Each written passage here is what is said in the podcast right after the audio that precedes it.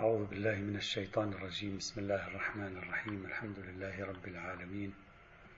صلى الله على سيدنا ونبينا وحبيبنا محمد وعلى آله الطيبين الطاهرين. كنا نتكلم في النظرية الثانية التي تطرح في المقام وهي عبارة عن نظرية النزول المعنوي. شرحنا النظرية مرة أخرى باختصار. ذكرنا أوجهها ثم بدأنا بالحديث عن أبرز الأدلة التي يمكن أن تطرح هنا. وبعد التفتيش لاحظنا وجود يعني أدلة قليلة في الحقيقة آه، بصرف النظر طبعا عن النظريات العامة في حقيقة الوحي والتي تعرضنا لها في آه، سلسلة دروس أخرى وجدنا بطور محدد يعني وبشكل محدد آه، وجدنا أدلة محدودة.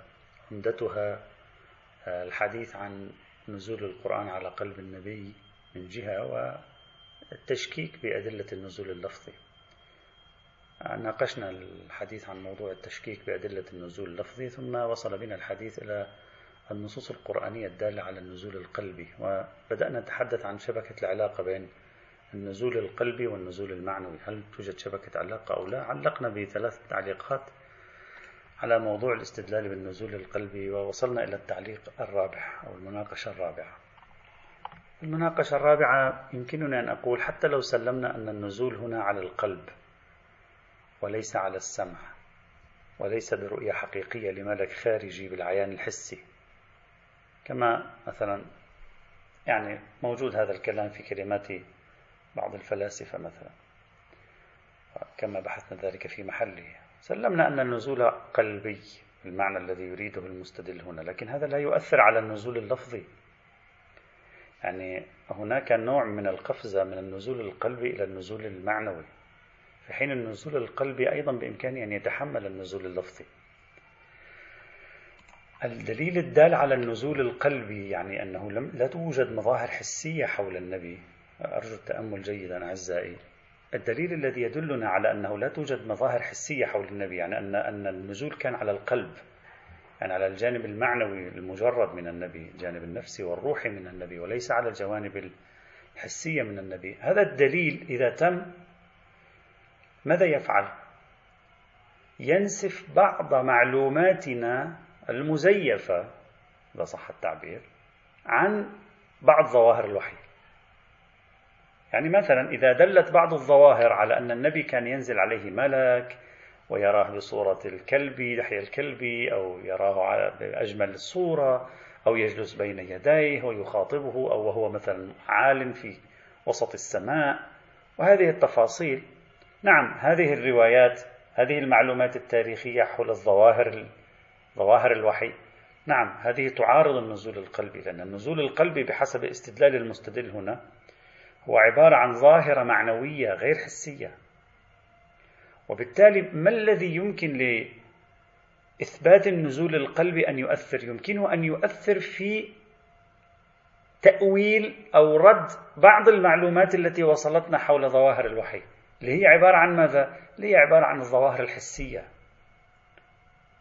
لكن النزول المعنوي لا يستطيع أن ينفي النزول اللفظي.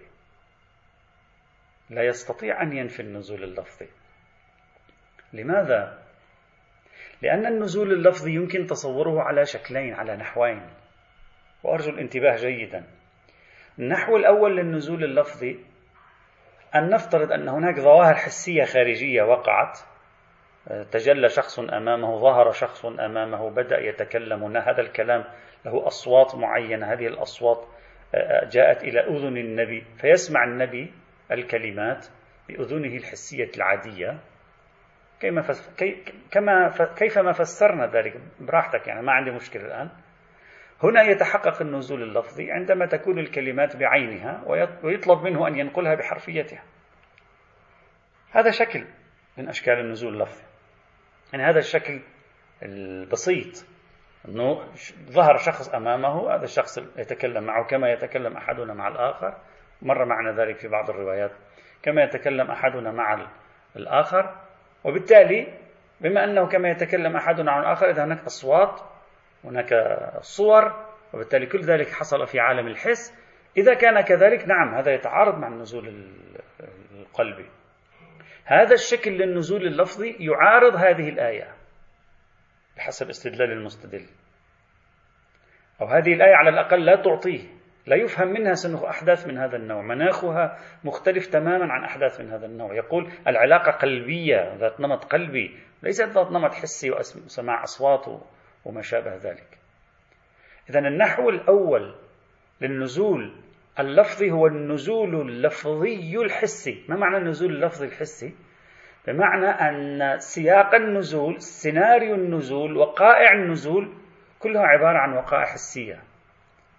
فإذا جاءت آية النزول القلبي التي تعني أن عملية النزول خارج سياق التجربة الحسية نعم هنا يظهر تصادم بين التجربتين بين هذه الصورة التي تقدمها آية النزول القلبي وبين الصورة التي تقدمها المعلومات حول النزول اللفظي الحسي. صحيح. هذا النحو الأول. النحو الثاني. اللي هو النحو الثاني من أنحاء النزول اللفظي. أن نقول لا يا أخي نحن عندما نقول نزول لفظي لا نتكلم عن جميع هذه الظواهر. هذه الظواهر الحسية رآه بصورة فلان ورآه كذا وسمع صوت بأذنه الموجودة في, في, في رأسه. لا أبدا هذا لا نتكلم. ليس هذا هو النزول. النزول القلبي يحصل في عالم متعال عن هذا العالم المادي المحسوس. لكن هذا لا يعني أن النبي بعد خروجه من الوحي أو إذا جاز التعبير الصوفي عندما يحين الصحو بعد المحو. لا يعني أن النبي بعد أن يخرج من الوحي يجب بالضرورة أن تكون قد انتقشت في قلبه حقائق ومعارف فقط. يعني أنت تصور لي النزول القلبي نهايته انتقاش حقائق في قلب النبي. أنا أقول لك النزول القلبي بعد الصحو تنتقش في قلب النبي وفي وجدان النبي وفي ضمير النبي وفي عقل النبي ألفاظ أيضا. لأن الألفاظ كما تعطى عبر الحس يمكن أن تعطى عبر التخاطب الروحي أيضا. هذا ممكن. أي مانع أن يصحو النبي من غشية الوحي؟ وهناك ألفاظ منقوشة في صفحة قلبه. يقوم بترديدها. يطالبه الوحي في آيات سورة القيامة أن لا يعجل بها أو يخاف من تلاشيها في أعماقه فيما سماه القرآن نسيانا أيضا. هل عندك ناف لهذه الصورة؟ لا توجد ناف. لا يوجد ناف أصلا مثل شخص نائم وفجأة يستيقظ من نومه ويشعر في داخله وفي أعماقه بكلام يتردد. ويكون هذا هو الوحي. فالنزول القلبي لا يمنع عن أن الحاصل الذي حصل عليه النبي من وراء النزول القلبي هو حاصل لفظي أيضا. رغم أن النزول القلبي لم تصاحبه أي عملية حسية. وبهذا يتبين معنى أن النزول القلبي لا يساوق النزول المعنوي. هناك فرق بينهما؟ بل يمكن أن يكون هناك نزول قلبي وتكون النتيجة نزول معنوي للقرآن والنبي بعد أن انتقشت الحقائق في قلبه. الآن هو يريد أن يصنع لها ألفاظا.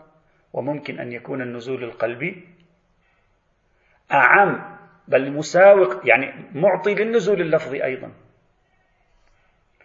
كما قلنا تماما كما النزول اللفظي بالمعنى الواسع للكلمة لا يساوق إلهية الألفاظ القرآنية التي بين أيدينا كما قلنا ذلك سابقا.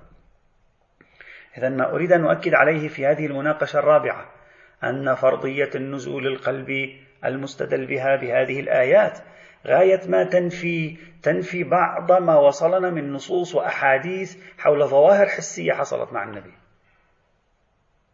إذا أرادت أن تنفي تنفي ذلك لكنها لا تقدر على أن تنفي أن النبي بعد حاصل التجربة المعنوية الروحية حاصل التجربة القلبية التي حصلت معه عندما يصحو من غشية الوحي ينتقش في قلبه كلمات.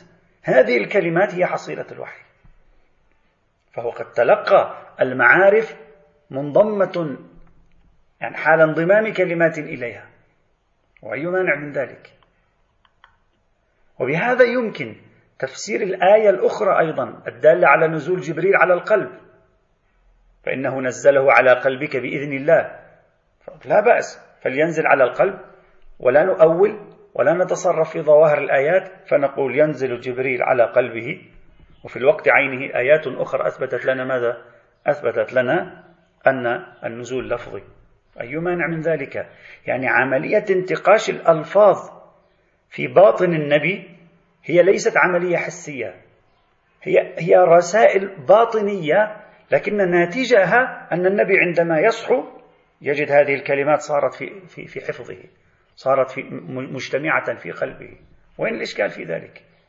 هل عندك إشكال أنطولوجي في هذا الموضوع؟ لا هل هذا يعني أن النبي لابد أن يكون هو الذي أنتج الوحي؟ لا مش بالضرورة هو الوحي system الوحي أنطولوجيا الوحي فيزيق أو ميتافيزيق الوحي الآن خلينا ميتافيزيق الوحي أنه بعد أن ينتج النبي عندما يعود إلى وضعه الطبيعي كأنما هو حفظ مجموعة من الكلمات. وين الإشكال في هذا؟ ما لا أدري ما هو الإشكال في هذا الموضوع. لا ناف أما الحديث عن أن القرآن موجود في زبر الأولين يعني في كتب الأولين. لأن زبر يعني جمعها مفردها زبور. أما أن القرآن موجود في زبر الأولين كما استدلوا بذلك ذكرنا ذلك في المحاضرة السابقة هذا أيضا لا يصلح استدلالا في المقام على النزول المعنوي. لماذا؟ لأن هذه الآية لا تريد أن تتحدث عن وجود عين القرآن في كتب السابقين. لا تريد أن تقول القرآن بنفسه موجود في كتب السابقين. فلما كانت كتب السابقين غير عربية دل ذلك على أن البنية اللفظية للقرآن ليست جزءا مقوما منه وإنما أفكاره وحقائقه هي القرآن. لا لا يدل على ذلك. الآية هذه وإنه لفي زبر الأولين ويكفيني الاحتمال هنا الذي يبطل الاستدلال يؤدي إلى إجمال النص. الآية هنا إشارة إلى أن خبر القرآن موجود عند الأولين. يعني وإنه أي أن هذا القرآن خبره موجود عند الأولين. مثل خبر نبوة نبينا محمد موجود عند الأولين. وهذا المعنى يظهر أن بعض المفسرين قد اختاروه كما يبدو مثلا من القرطبي على سبيل المثال. يتأيد ذلك قوله بعد تلك الآية مباشرة ماذا قال في الشعراء 197 أولم يكن لهم آية أن يعلمه علماء بني إسرائيل؟ يعني هل يريدون أن يقول المستدل أن علماء بني إسرائيل القرآن يعلمون يعني أن علماء بني إسرائيل لديهم القرآن بعينه في عصر النبي؟ وقبل عصر النبي يملكون نسخة قرآنية بلغة أخرى. إذا كان الأمر كذلك لماذا الإتيان بدين جديد أصلا؟ بدل بعث بعض أهل الكتاب كي يكشفوا ما في أيديهم. وما معنى أن القرآن مصدق ومهيمن أيضا؟ يعني هل يراد أن يقال أن بني إسرائيل علماء بني إسرائيل كان لديهم نسخة قرآنية بلغة أخرى؟ أولم يكن لهم آية أن يعلمه علماء بني إسرائيل؟ لا. نعم ممكن بعض مضامينه كانت موجودة لكن أما أن القرآن موجود لا. يعني يريد أن يقول بأن قصة القرآن وقصة نبي محمد هذه القصة أي قصة محمد ومعه كتاب من السماء مهيمن وهو كتاب القرآن هذه القصة يعرفونها. يعرفون أن ذلك سوف يحدث. يأتي في آخر الزمان أنه نبي سيظهر ومعه كتاب عظيم من الله سبحانه وتعالى مثلا. فإذا لا تدل هذه الآيات. يكفينا الاحتمال هنا. لا تدل هذه الآيات على شيء من فرضية النزول المعنوي. وأما الاستدلال بقوله تعالى فإنما يسرناه بلسانك تيسير القرآن بلسان النبي ممكن يفهم منه الترجمة النبوية وممكن يفهم منه أن الله بينه للناس عبر النبي. يعني فبدل أن ينطق الله به نطق به النبي. وهذا معنى عرفي تماما. يسرناه بلسانك يعني جعلناه يصل إليهم ها جعلنا طريقه يسيرا يصل إلى الناس عبر لسانك. أين المشكلة؟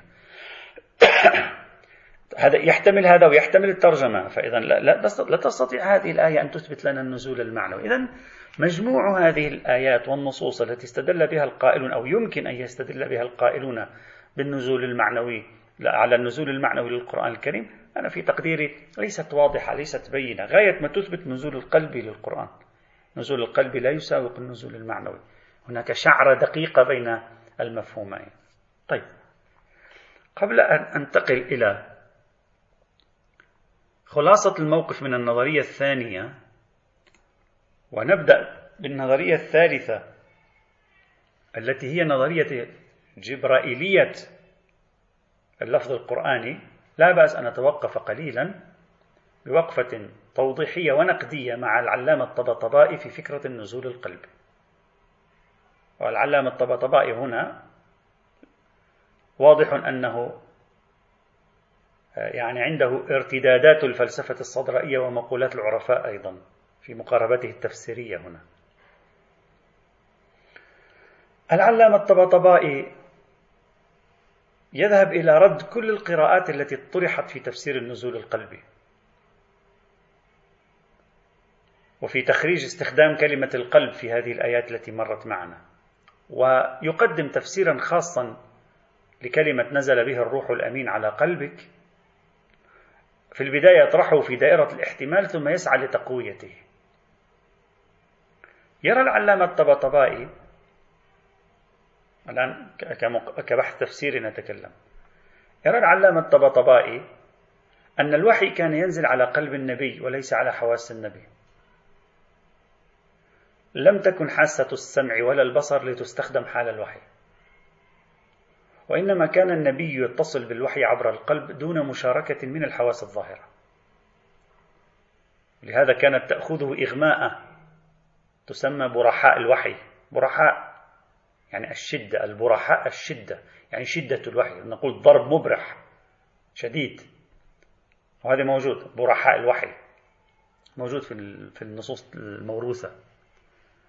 فإذا هو في حال إغماء داخل هذا الإغماء كان الوحي ينزل. يعني في داخل هذا الإغماء الوحي كان ينزل. مش أن النبي فاتح عينه الطبيعية بشكل طبيعي ويرى. فداخل الإغماء كان الوحي ينزل. إذا هذا معناه حاسة السمع حاسة البصر لم تكن تستخدم حال الوحي.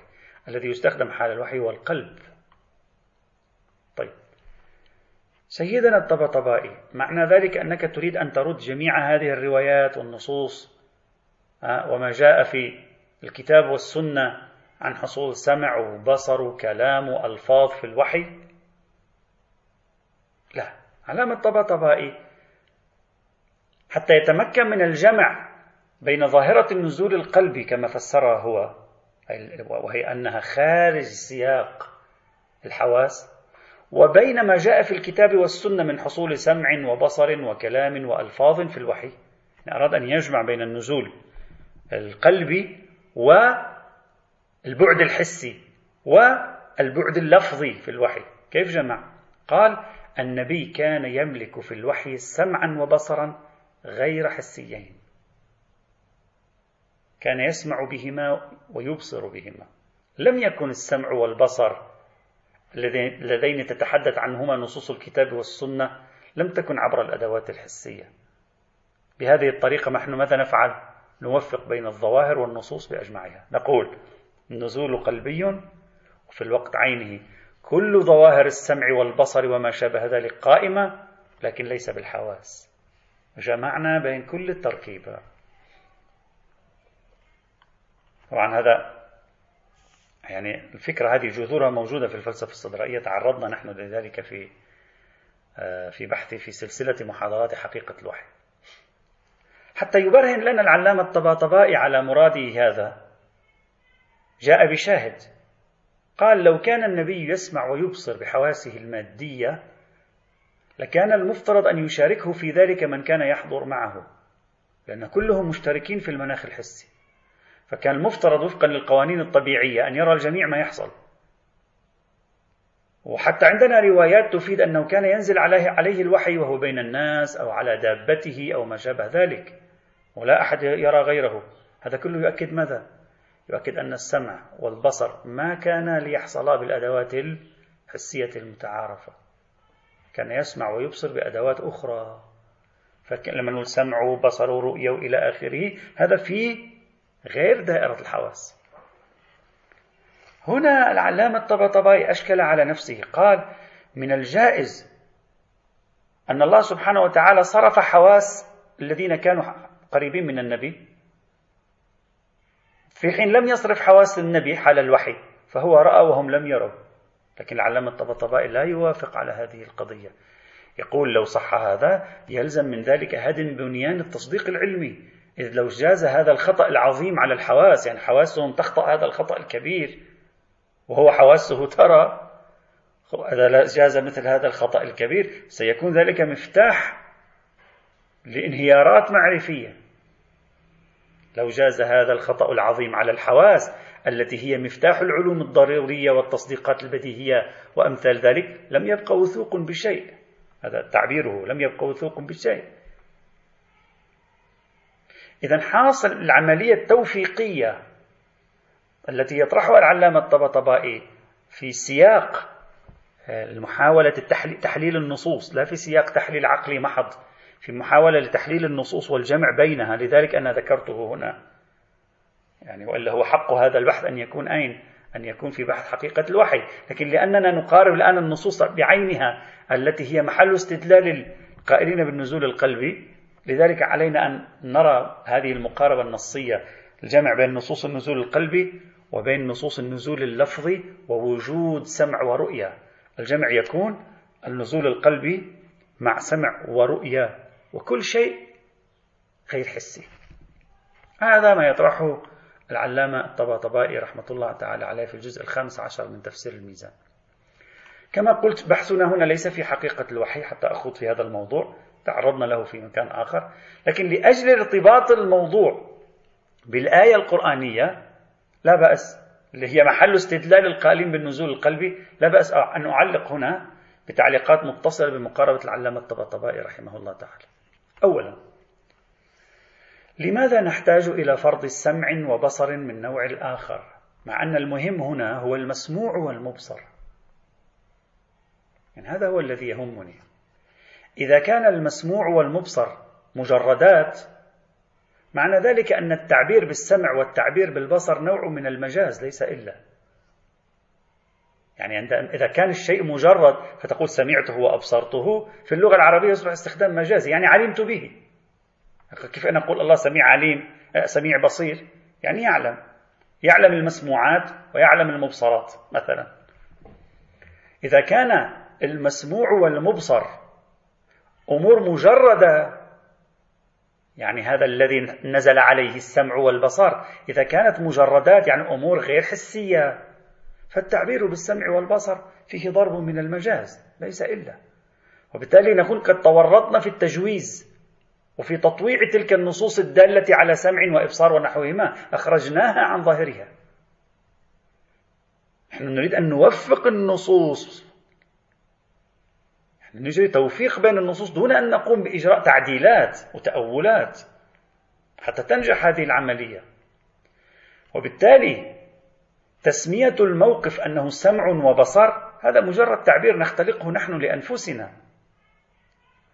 وهذا لا يمنع حينئذ القائل بالنزول المعنوي والقائل بالإلهام العلمي أن يدعي أنه أنا أقبل بهذا السمع والبصر. لأن السمع والبصر هنا سيكون معناهما الإدراك والمعرفة. والإدراك والمعرفة لا علاقة لهما بكل الأمور الحسية بما فيها الألفاظ المسموعة. سيقول لك هكذا بصرف النظر عن ما نحن أشكلنا عليه. خلاصة المداخلة الأولى. لماذا نحتاج إلى فرض سمع وبصر من نوع آخر؟ المهم المسموع مبصر. إذا المسموع مبصر مجردين تعبير السمع والبصر هنا تعبير مجازي. لأن هذه أمور مجردة لا تسمع وتبصر بالمعنى الحقيقي في التداول اللغوي العربي. وبالتالي السمع والبصر لا يعني هنا إلا العلم. ولا سمع ولا بصر. فمجرد أن أنت غيرت الموضوع وقلت بأنه السمع وبصر غير حسي هذا فلسفيا ما في مانع منه. لكن في مستوى دلالة اللغة العربية والنصوص تتكلم عن سمع وبصر هذا ضرب من التأويل للنصوص حينئذ. يحتاج إلى قرينة. هذا صرف للنصوص عن ظاهرها في هذا الإطار.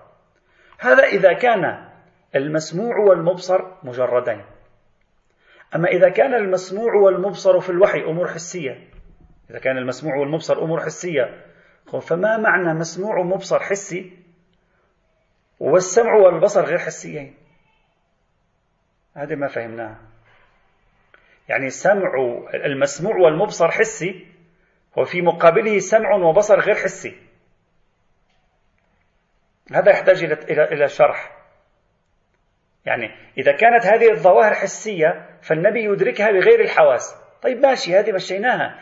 لكن هذه لن تنفع العلامة الطبطبائي لماذا؟ لأن إذا كان المسموع والمبصر حسي الآن العلامة الطبطبائي بنفسه كيف سيفسر لنا عدم رؤية المحيطين للنبي لتلك الظواهر الوحيية المنتمية إلى المسموع والمبصر الحسي؟ رجع عليه نفس الإشكال. مش المهم أن تجعل لي السمع والبصر غير حسي. حتى نفر من إشكالية أن الناس المحيطين بالنبي لم يروا شيئا. المهم أن تجعل لي مش المهم أن تجعل لي السمع والبصر غير حسي. المهم أن تجعل لي المسموع والمبصر غير حسي حتى تفتض من هذه الإشكالية. بعبارة ثالثة وأخيرة إذا كان المسموع والمبصر مجردات فأنت هنا أولت كلمة السمع والبصر. صارت مجازا وهذا تصرف في الدلالة وخلاف الظاهر عرفا. يعني في الدلالة اللغوية نتكلم خلاف الظاهر لغة. وإذا كان المسموع والمبصر حسيات فجعلك السمع والبصر غير حسيين لن ينفعك شيئا. لن يكون له معنى لأن نفس الإشكالية التي أنت طرحتها كشاهد على مدعاك ستكون إشكالا على المدعى.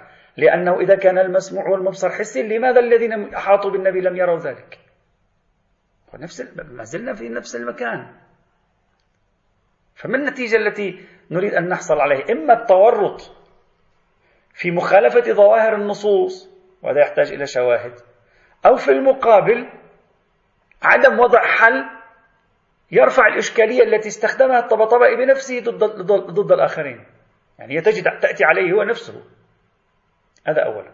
ثانيا روح القضية هنا تكمن في الربط والتوفيق بين الحسية وبين عدم رؤية الآخرين وسماعهم لظواهر الوحي. هذه هي روح القضية. كيف هذا حسي واللي حول النبي ما شافه؟ وهذا ما اضطر العلامة الطباطبائي للحديث عن سمع وبصر غير حسيين. مع أنه في تقديري لا يوجد أي حاجة لذلك. ليس كل مبصر ومسموع بالذي تناله حواس الإنسان. مبصر ومسموع في داخل دائرة المرئي والمسموع. وهذا ثابت في العلوم الحديثة. السمع البشري على سبيل المثال لا يسمع إلا إذا كان الصوت بدرجة معينة. كذلك الإبصار يختلف. بعض الحيوانات ترى ما لا نرى ونرى ما لا ترى. وموضوع الألوان بالنسبة للحيوانات وبالنسبة إلينا مختلف أيضا. وقد ترى الحيوانات في الليل ما لا نراه نحن وقد تسمع ما لا نسمع نحن كما قيل عن النمل وكثير من الحيوانات. أي مانع أن يكون الملك قد ظهر على تقدير أنه ليس بنفسه محسوسا. ظهر الملك بصورة حسية وبصوت حسي في مناخ حسي لا تناله العين الإنسانية لا تناله الأسماع البشرية لكن الله تعالى أقدر نبيه على السماع. يعني المناح مثلا النمل يسمع بدرجة صوت منخفضة الأذن البشرية لا تسمع. فالله بإعجاز ما أقدر النبي على أن يسمع ما تسمع النملة. فبقينا على كل الظواهر الحسية. لاحظوا معي. بقينا على كل الظواهر الحسية من سمع حسي من بصر حسي وما شابه ذلك. وفي الوقت عينه سمع حسي بصر حسي يقابله مبصر حسي مسموع حسي دون أن يكون الذين بجانب النبي قد رأوا شيئا أو سمعوا شيئا. لا لأنه لا يوجد مسموع أو مبصر حسي يوجد. لا لأن النبي لم يرى بسمع وبصر حسي ورأى بسمع وبصر حسي غاية الأمر أن الوحي اللي هو بنفسه ظاهرة غامضة. هو بنفسه ظاهرة غامضة غير عادية. الشيء غير العادي فيه أن الله يقدر النبي أن يسمع ويبصر بدرجات ما في عالم المبصرات والمسموعات لا تراه الأعين البشرية العادية. وليس هذا بالأمر الغريب. ضمن الثقافة الدينية هذا سليمان سمع النملة وهي تتكلم بناء على أنه حصل له إدراك لكلامها بالسماع مع أن كلامها حسي وليس غير حسي. حصلت له مثلا قوة مضاعفة في الحواس قوة مضاعفة في الحواس. نعم وين المشكلة؟ أقدرته على سماع ما لا يسمعه غيره. تماما كما هي أدوات الرؤية الحديثة وأدوات السماع الحديثة التي تقدرك على رؤية ما لا يراه غيرك بالعين المجردة أو ما لا يسمعه غيرك بدون واسطة. بل حتى هذا قيل عن يعقوب أيضا إني لأجد ريح يوسف لولا أن تفندون كما جاء في سورة يوسف الآية 94 إذا فسرنا وجدان ريح يوسف بالشم دون وجود مجاز في البين دل ذلك على أنه قدر على شم ريح يوسف عن بعد مسافة بين مصر وفلسطين. وريح يوسف أمر حسي وليس خارج إطار الحس. وبهذا أيضا يمكن أن يفسر ربما حديث سليمان مع الهدهد ربما إذا فرضنا أنه بمعنى من هذه المعاني. وهكذا. إذا ما هي الحاجة لافتراض سمع وبصر غير حسيين؟ يعني أنا أستطيع أن أجمع ما بين عدم رؤية الذي من حول النبي لما رآه النبي وسمعه وفي الوقت عيني أفترض أن ما رآه النبي وسمعه كان حسيا بأدوات حسية. غاية الأمر أن الوحي هو نوع من ضخ طاقة إضافية في الحواس النبوية. هلا الميكانيزم هذا كيف يحصل؟ لا أدري. لكن نحن الآن نحاول أن نوفق بين الأدلة وبالتالي لا, لا, توجد مشكلة في مثل هذه الحال. تقول لي النبي في بعض الأحيان كانت لديه إغماء. نعم لا ندري لأن ليس كل وحي على نفس الشاكلة. فيه إبصار وفيه سمع. قد يكون بعض الوحي من هذا النوع بعض الوحي من هذا النوع. القضية تختلف. إذا ما هي الحاجة لافتراض سمع وبصر غير حسيين بهذه الطريقة يتم الجمع بين النصوص والمناخ الإعجازي يسمح بذلك كله أيضا. أتكلم عن ظواهر ظواهر النبوة. هذا هذا افتراض أسهل. ثالثا حديث العلامة الطباطبائي. هنا فقط أرجو الانتباه لهذه النقطة. موضوع حديث العلامة الطباطبائي عن انهيار الأسس العلمية. انهيار الأسس العلمية وسقوط التصديق العلمي. هكذا قال إذا لم نأخذ بدعواه أو إذا أخذنا بدعوة الآخرين والله إذا إذا إذا ما ما فسرنا القضية بشكل النزول القلبي مع سمع وبصر غير حسيين فإذا انهارت أسس التصديق العلمي. أنا أعتقد هذا الكلام يعني يحتاج إلى تأمل. أقصى ما هنالك يعني ما هو الموجود هنا؟ أقصى ما هنالك هو الحديث عن عجز الحس الإنساني عن إدراك تمام المحسوسات. تمام الماديات بتعبير دقيق. يعني يدخل في دائرة الحس بطبعه. تمام المحسوسات والماديات لا خطأ الحس فيما أدرك. نحن هنا لا نتكلم عن خطأ الحس فيما أدرك. حتى نقول هذا يفتح آه، مشكلة خطأ الحواس. هناك فرق بين الخطأ والنقصان.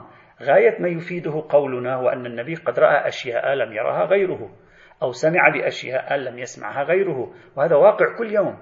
هذا ماذا يفيد؟ يفيد ضعف الحواس عن إدراك تمام المحسوسات. يعني يقول الأشياء اللي بذاتها قابلة للحس.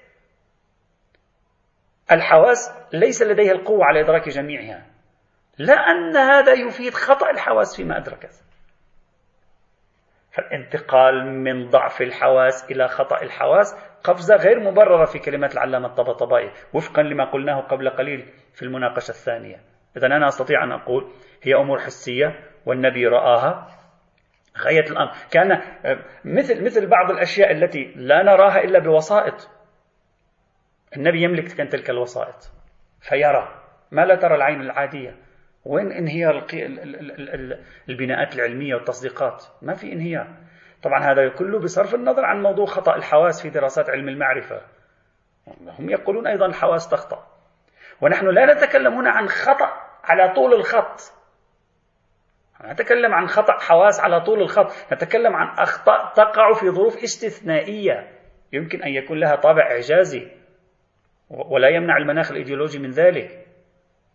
وين المشكلة؟ إذا بهذا يظهر إمكان إبقاء السمع والبصر على حسيتهما دون افتراض تأول فيهما ومع ذلك يتم الجمع بين النصوص في المقام. إذا خلاصة الموقف أن ما طرحه العلامة الطبطبائي من تفسير ترابطات بين هذه النصوص المتحدثة حول الوحي مع نصوص النزول القلبي في تقديري لسنا بحاجة إليه بل هو خلاف ظاهر بعض النصوص كما قلنا. الأفضل أن نذهب إلى ما طرحناه صرف النظر عن نظريات حقيقة الوحي ما طرحناه من القبول فكرة النزول القلبي بالمعنى الذي قلناه سابقا لأن النزول القلبي نزل على قلبك حتى لو كان عبر حواسك. وين المشكلة؟ حتى لو كان عبر الحواس أو العكس أيضا نزل على قلبك والنتيجة كانت الألفاظ. بهذا يظهر إمكان إبقاء السمع والبصر على حسيتهما إذا. خلاصة الموقف من موضوعة النزول القلبي والمعنوي. من مجمل ما تقدم يظهر أن النزول القلبي لا يثبت لنا النزول المعنوي لا ينفي لنا النزول اللفظي. نعم الجمع بين النزول القلبي المستفاد من الآية أنه هو الوحي القرآني وبين سائر النصوص الدالة على الوحي عبر الرؤية والسماع الجمع بين هذين النقطتين يعني عندنا جمعين انتبهوا جيدا عندنا جمعين الجمع بين النزول القلبي والنزول اللفظي قلنا هذا أصلا ما في مشكلة فيه ذكرنا ذلك. في عندنا نوع في مشكلة ثانية الجمع بين النزول القلبي والظواهر الحسية. المستفادة من بعض النصوص حال الوحي. هذا الأمر لم نوافق فيه على مقاربة العلامة الطبطبائي. لكن لا نريد أن نطرح مقاربتنا هنا لأن هذا موضوع مرتبط بتحليل حقيقة الوحي وأنماطه لا بمعرفة الموحى به إلى النبي. أنه لفظي أو غير لفظي. إذا إذا ثبت قرآنيا أن النزول قلبي مثلا بالنسبة لخصوص القرآن الكريم كله كان لابد حينئذ إما أن نقول نطرح الروايات التي تتحدث عن أشكال أخرى للنزول أشكال حسية أو نحمل النزول القلبي على التخريج الثاني المتقدم الذي قلناه لأنه أقرب إلى الذوق العرفي نتيجة القرينة الخارجية. هذا. وبناء عليه النظرية الثانية لا تستطيع أن تهدم نظرية لفظية الإلهية ألفاظ القرآن الكريم. هلأ كيف النظرية أن موضوع نزول القلب بنحل المشكلة بينه وبين الظواهر الحسية؟ هذا بحث آخر مربوط بحقيقة الوحي مش مربوط ببحثنا هنا.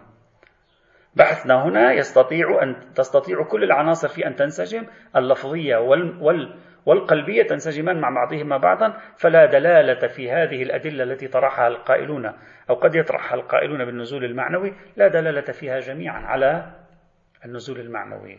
إذا ما عندي دليل على النزول المعنوي. حتى الآن عندي أدلة قرآنية مؤيدة ببعض الشواهد على النزول اللفظي لكن لا أملك أدلة واضحة قاطعة على النزول المعنوي. طبعا هذا كله كما قلت سابقا بصرف النظر عن كبريات البحث في حقيقة الوحي. نحن الآن ندخل في الأدلة التفصيلية المتعلقة بموضوع بحثنا. ننتقل الآن إلى النظرية الثالثة وهي نظرية جبرائيلية اللفظ القرآني وإلهية المضمون. قلنا تذهب هذه النظرية الثالثة التي لم نعثر حقيقة لم أعثر يعني على من بحثها أو تبنى من تبناها بشكل صريح. سوى مثل ما نقله الزركشي عن السمرقندي عن بعضهم كما قلنا سابقا. تذهب هذه النظرية إلى أن الله تعالى أوحى المعاني والعلوم والحقائق والمعارف القرآنية إلى جبريل الأمين. بوسائط اتصالية خارج إطار اللغات البشرية. لأن هناك وسائل الاتصال مختلفة عنا. وجبرائيل قام بصناعة الألفاظ لهذه المعاني والعلوم ثم أوحى المعنى واللفظ معا إلى النبي محمد صلى الله عليه وآله وسلم. فكان النبي محمد مجرد مبلغ لا يساهم في إنتاج القرآن لا لفظا ولا معنى. وبهذا هذه النظرية الثالثة تقترب من نظرية النزول اللفظي من حيث إنها تنفي تدخل النبي في شيء. وتقترب من نظرية النزول المعنوي من حيث إنها لا تجعل الألفاظ يعني حيث إنها تجعل الألفاظ غير إلهية وإنما جبريلية. فإذا هي وسط بين الاثنين تقريبا. إذا أردنا أن نحلل هذه النظرية يعني ما الذي يدفع إلى افتراض هذه النظرية؟ يعني من وين هذه النظرية جاءت؟ خاصة ما رأينا يعني أدلة عليها مطروحة أصحابها من هم؟ ما هي أدلتهم هنا؟ يجب أن نتلمس ونحلل وندقق ما الذي يمكن أن يكون منشأ في طرح نظرية من هذا القبيل. في موضوع ألفاظ القرآن. ممكن أن نلمس لهذه النظرية شواهد في النص القرآني. فقد يستند مثلا لتأييدها إلى قوله تعالى إنه لقول رسول كريم ذي قوة عند ذي العرش مكين مطاع ثم أمين. كما جاء في سورة التكوير الآية 19 21 الرسول الكريم المقصود منه هنا كما قالوا هو جبريل الأمين. والآية تقرر أن هذا القول قوله. والقول هو عبارة عن ألفاظ وكلمات. وبالتالي الألفاظ والكلمات هي ألفاظ وكلمات ذلك الرسول الكريم. وحيث إننا نعرف أن الحقائق الأصلية هي تنزيل من الله اذا نجمع ونقول تنزيل من الله الحقائق وبالتالي القول قول الرسول الكريم والمضمون هو مضمون الله العظيم. هكذا. قد يستشهد أيضا بقوله تبارك وتعالى في سورة الشعراء 193 195 نزل به الروح الأمين على قلبك لتكون من المنذرين بلسان عربي مبين. كيف يستشهد بهذه الآية؟ بتقدير أن نقول معنى الآية هكذا إن الروح الأمين أنزله باللغة العربية. لا أنزل القرآن العربي عليك. يعني اللغة منتمية لجبريل. الروح الأمين أنزل القرآن اللي هو معاني أنزله بلغة عربية. لا أنه أنزل القرآن العربية إليك. يعني نزل به الروح الأمين بلسان عربي. فبلسان عربي مبين تكون راجعة إلى تدخل الروح الأمين إنزاله القرآن الكريم باللغة العربية. لا أن القرآن يعني عملية الإنزال تضمنت تحويل إلى العربية. لأن القرآن العربي قد قام بإنزاله جبريل. ممكن يستدل بهذا. ربما يؤيد هذا أيضا بما ورد عن مقاتل بن حيان قال كلام أهل السماء العربية. ثم قرأ حاميم والكتاب المبين إنا جعلناه قرآنا عربيا لعلكم تعقلون وإنه في أم الكتاب لدينا لعلي حكيم. كما جاء في سورة الزخرف من الآية الأولى إلى الآية الرابعة. إذا هذا القرآن عربي وهو نفسه أي القرآن العربي موجود أين؟ في أم الكتاب. وكذلك ما هو قريب من ذلك مما يفيد أن يعرب بن قحطان تعلم لغة أهل السماء وهي اللغة العربية كما ينقل عن أنس بن مالك. في رواية أخرى عن ابن عمر قال قال رسول الله إن العربية كلام أهل الجنة والعربية كلام أهل السماء وكلامهم إذا وقفوا بين يدي الله عز وجل في الموقف. كما وردت هذه الروايات يمكنكم مراجعتها في المصنف لابن أبي شيبة الكوفي في الدر المنثور للسيوطي في تفسير الآلوسي في تاريخ ابن عساكر الحموي أيضا في معجم البلدان وغيرها من المصادر التي نقلت بعض مثل هذه المرويات هذا أقصى شيء نقلي هذا أقصى شيء نقلي يمكن يتصوره لهذه النظرية. ربما هو الذي دفعهم إلى إلى ذلك. قالوا مثلا لم تثبت إلهية الألفاظ مثلا ربما الذي يدفعهم هكذا مثلا لم تثبت إلهية الألفاظ وفي الوقت عينه لم تثبت نبوية الألفاظ يعني وجدوا محظور في في نبوية الألفاظ ولم تثبت إلهية الألفاظ ذهبوا إلى حلقة وسطى وهي جبريلية الألفاظ. أو مثلا هم لم يتعقلوا وهذا راجع إلى بحث حقيقة الوحي لم يتعقلوا أن تكون اللغة بين الله وبين الملاك لغة بشرية. يعني كيف يكون الله أعطى الملاك لغة بشرية؟ لابد أن تكون بنوع من الاتصال الميتافيزيقي. على عكس الارتباط بين الملاك والنبي لأن النبي هو طرف بشري فيمكن تصور اللغة البشرية فيه. فممكن يكون تبنوا هذه القراءة المتوسطة بين الاثنتين نتيجة رؤية ميتافيزيقية عدم معقولية اللغة البشرية فيما بين من هم غير بشر الله والملاك ومعقوليتها في العلاقة بين بشري وغير بشري بين الملاك والنبي وبالتالي بهذه الطريقة ربما يكونوا قد قاربوا موضوع نسبة الألفاظ حينئذ إلى جبريل. كل ذلك ممكن. دعوني أتوقف بعض التوقفات مع نظرية دور جبريل في إنتاج القرآن الكريم. الوقفة الأولى. توصيف القرآن بأنه قول رسول كريم لا يعني أن ألفاظ القرآن من عند الرسول الكريم. لأن لماذا؟ لأنها إذا جعلت القرآن منتسبا إلى الرسول فلازم نفترض أن ننسب اللفظ والمعنى إليه.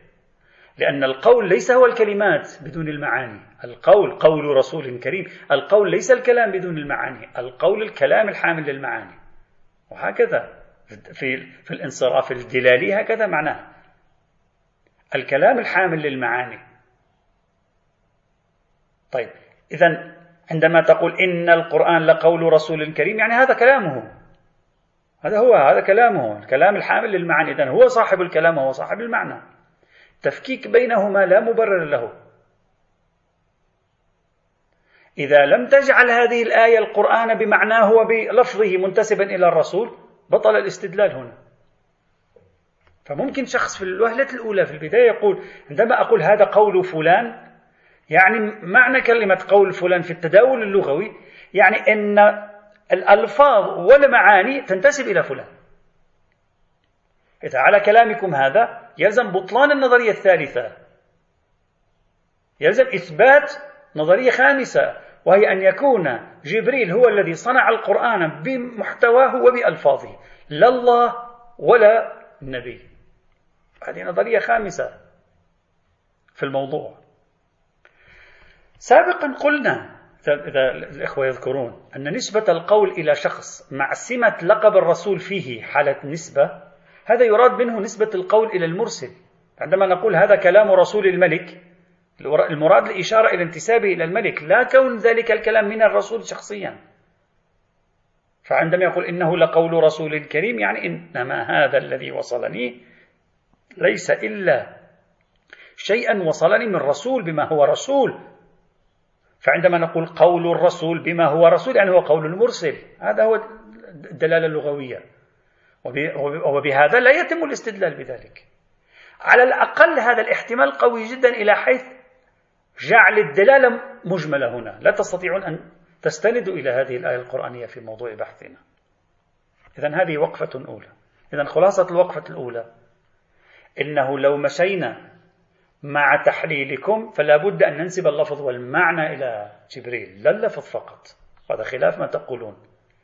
بل إن نسبة القول إلى صفة الرسول بما هو رسول تعبير عن أن القول منتسب إلى المرسل وأن الرسول ليس سوى قناة نقلية قناة انتقال لا أكثر ولا أقل.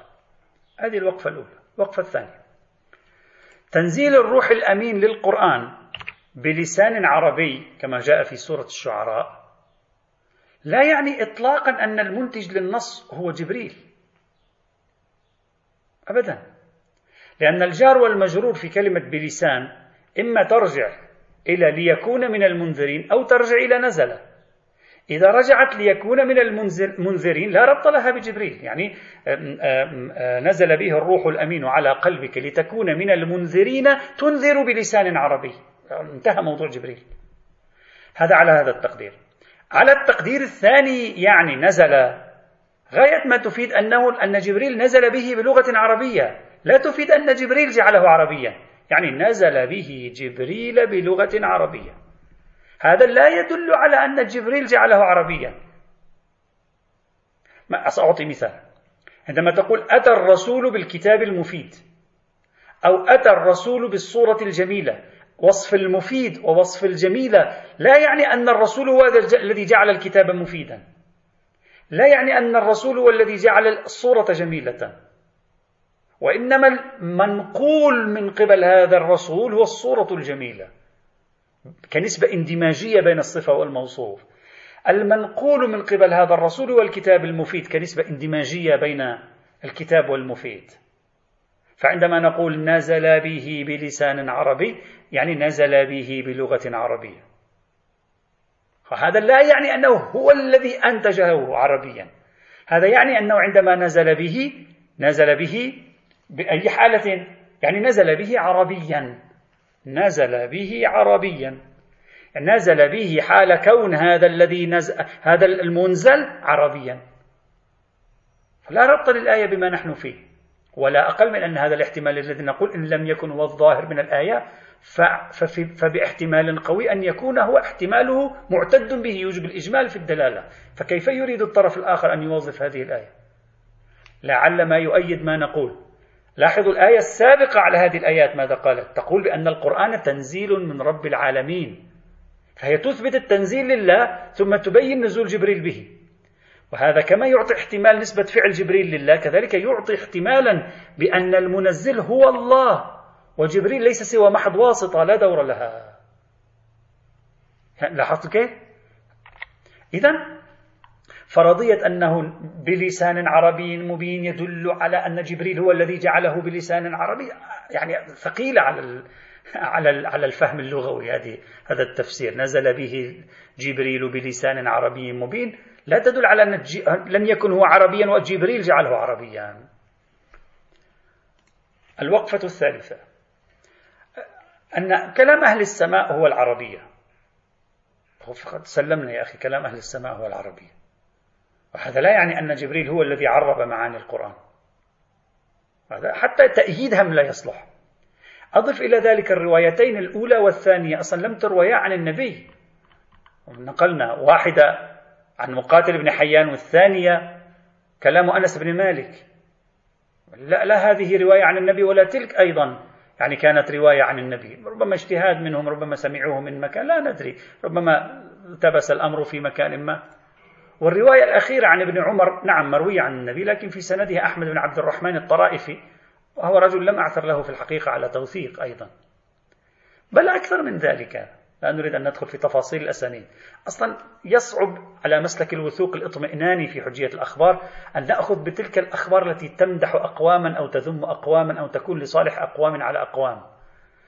من خلال رواية وروايتين تأتيني بها. هذا شيء صعب يحتاج إلى حشد شواهد وقرائن مثلا روايات تمدح أو تذم أقوام أو قوميات كالعرب أو الفرس أو الترك أو الديلم أو الأكراد أو البربر أو غيرهم. أو مثلا تمدح أماكن بعينها بلدان بعينها ثمار أماكن معينة أنهار معينة لغات معينة بعض عادات لأقوام معينين. هذه تحتاج حتى نثق بمثل هذه الروايات اللي هي مادة دسمة لاختلاق الحديث. نحتاج إلى حشد شواهد. وهذا الرأي طرحناه في في مباحث الحديث وكان يذهب إليه أيضا السيد البروجردي رحمة الله تعالى عليه كما ينقل عنه ذلك جلال الدين الأشتياني. وقد تعرضنا لما طرحه البروجردي في محله مفصلا لا نريد أن ندخل في هذا. وهذا الموضوع موضوع لغة عربية وهو موضوع له علاقة بتفضيل العرب على العجم أو ما شابه ذلك. وهذه قضايا صراعات بين العرب والعجم في القرون الثلاثة الهجرية الأولى كانت صراعات على أشدها تحت الطاولة وفوق الطاولة. فأنت تأتيني بعدد قليل جدا من الروايات في المقام لتثبت شيئا من هذا القبيل. يعني روايات ضعيفة الإسناد ومن الدرجة الثانية من حيث المصادر. أعتقد أن هذا يعني لا يليق أن نجعله بمثابة أدلة في موضوع بالغ الحساسية مثل موضوعنا هذا.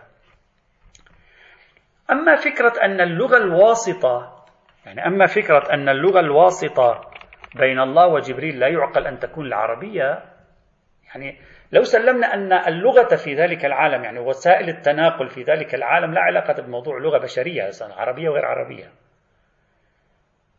هذا شيء له علاقة بالمحادثة بين الله والملائكة. هوية هذه المحادثات كيف تكون؟ اللغة هناك ما هو وجهها؟ نحن البشر نستخدم لغة. هناك ما الذي يستخدم؟ هذا شيء يعني غامض في الحقيقة. ليس ليس بسيطا أن نعرف ما ماذا هناك. يمكن أن يتأمل فيلسوف ويحلل عارف لكن ما لم تقدم أدلة ما في شيء في هذا القبيل. هذا خارج أصلا إطار الإدراكات البشرية المتعارفة. لكن نحن هنا لا نتكلم عن المحادثات الإلهية الملائكية. لا نتكلم عن قوانين هناك والانتقالات كيف تتم في تلك العوالم. نحن نتكلم عن أن جبريل حمل نص بشري اللغة من الله. ما نقول تكلم معه الله بالنص؟ كيف أعطاه إياه؟ لا ندري. ربما تكلم معه بطريقة لكن قال له هذا النص أنت يجب عليك أن تصل نحن لا نملك أي معلومات تنفي هذه الفرضية. يعني في الحقيقة أن تقول لي لا هذا شيء غير معقول هذا ضرب من الرجم بالغيب. بس أنت تعرف شيء عن ذلك العالم؟ كيف أسراره وتفاصيله؟ وهل من المعقول أن في ذلك العالم الألفاظ هذه؟ ممكن تكون نفس الألفاظ ولكن نفس الألفاظ ولكن بوجودات أخرى يعني مثل مثل مثل أنت لما تسوي مثلا على سبيل المثال إرسالات إلكترونية أو تلغراف وما شابه ذلك ممكن في الواسطة في داخل الواسطة في داخل الأسلاك التي تذهب أو في الأثير الذي يطلقه تطلقه الأقمار الصناعية يمكن أن تكون القضية ما في لغة هناك وكلمات. لكن الشيء حامل للغة والكلمات بحيث بمجرد أن ينزل في في جهازك الإلكتروني مثلا أو جهازك في جهاز الكمبيوتر مثلا هو مباشرة يكون هذه. يعني ممكن أن يكون هناك وجودات من نوع خاص. أنا لا أدري. يعني بصراحة يعني نقول هذا رجم بالغيب أن نقول لا غير معقول أن تكون هناك نص بشري سلمه الله لجبريل. ما لا أدري. نحن لا نعرف شيئا عن مدى إمكانية حصول ذلك. لا ندري. وبالتالي لا أستطيع أن أنفي وأقول لا غير معقول. بل حتى لو صح لو قلت لي لا ما معقول يكون الله أعطى جبريل نص لفظي. طبعا ليش ما معقول ما ندري؟ وين المشكلة يعني؟ ربما يكون جبريل يعطيه الله نص لفظي بنمط معين. نحن لا ندري تلك العوالم كيف هي. المهم يصل النص إلى النبي هو نفسه النص الإلهي. جبريل ليس سوى ناقل قناة قناة أسلاك. ثم حتى لو سلمت بهذه الإشكالية كيف نستطيع تبرير أن جبريل أنتج الألفاظ؟ من جبريل أيضا لا يملك لغة بشرية. هو جبريل أيضا من ذلك العالم. إذا كان جبريل والنظام الترابطي بين الملائكة والنظام الترابطي بين الملائكة والله كله خارج سياقات اللغات البشرية. وأيضا يأتيك نفس السؤال جبريل كيف تمكن من إنتاج الألفاظ؟ تقول لي الله أقدره إذا الله أقدره الله أيضا يقدره على أن يأخذ ألفاظا ينتجها الله ويعطيها له. يعني أنا أشوف أحيانا من, كثرة التحليلات على طريقة بعض الفلاسفة من كثرة التحليلات والرغبة في أن يصل إلى الإنسان إلى نتيجة يعني بالقوة. يخرج الإنسان أحيانا عن جادة المعطيات المعقولة الموجودة بين يديه. بهذا كله يتبين أن نظرية جبرائيلية الألفاظ القرآنية لا يوجد عليها دليل آه، مقنع أو دليل واضح. طبعا يوجد نقطة أخيرة أريد أن أضيفها هنا هل توجد فائدة معرفية في هذا الخلاف بين أن المنتج هو الله أو جبريل؟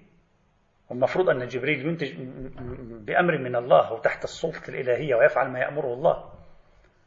يعني من ما القصة المعقولة؟